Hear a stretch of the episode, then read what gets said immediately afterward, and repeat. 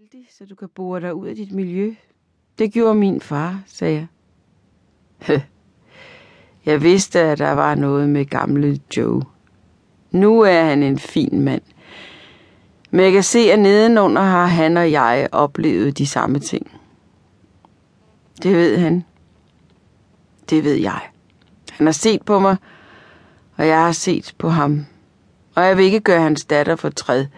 Derfor er det forbi, når jeg rejser. Men indtil da skal du høre på mig, så alt samles i mig igen. Jeg tog ham om halsen og kyssede ham. Men han tog mine arme ned, holdt mine hænder, og han fortalte i en uendelighed om alle de irer, han kendte, som var født med problemer, og som var sejlet bort fra deres grønne ø med det evige håb om en dag at komme tilbage i triumf og leve lykkeligt til deres dages ende. Der gik et stykke tid, hvor vi ikke så hinanden, for der var sagt det, der skulle siges. Alt andet ville bare være at trække det ud. Jeg håbede bare på, at der kom en dag eller en nat til, hvor han ville fortælle, så han følte sig mere hel, så han ikke drak hjernen ud og gik til bunds. Det blev efterår, og det blev den 25. oktober 1956. Han ringede og sagde, at jeg skulle komme om aftenen. Da jeg kom ind i stuen, var der ingen seng, intet køleskab, ingen gramofon.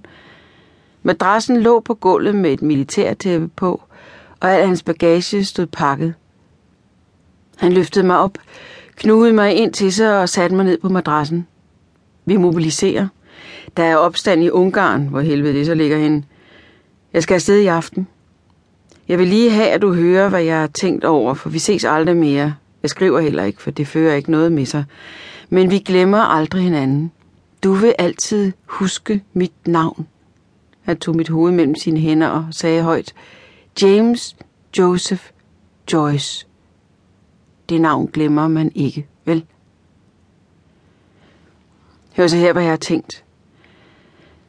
Når man er født med problemer, bliver man vant til dem. Man har en anden tidsregning end andre. Man tør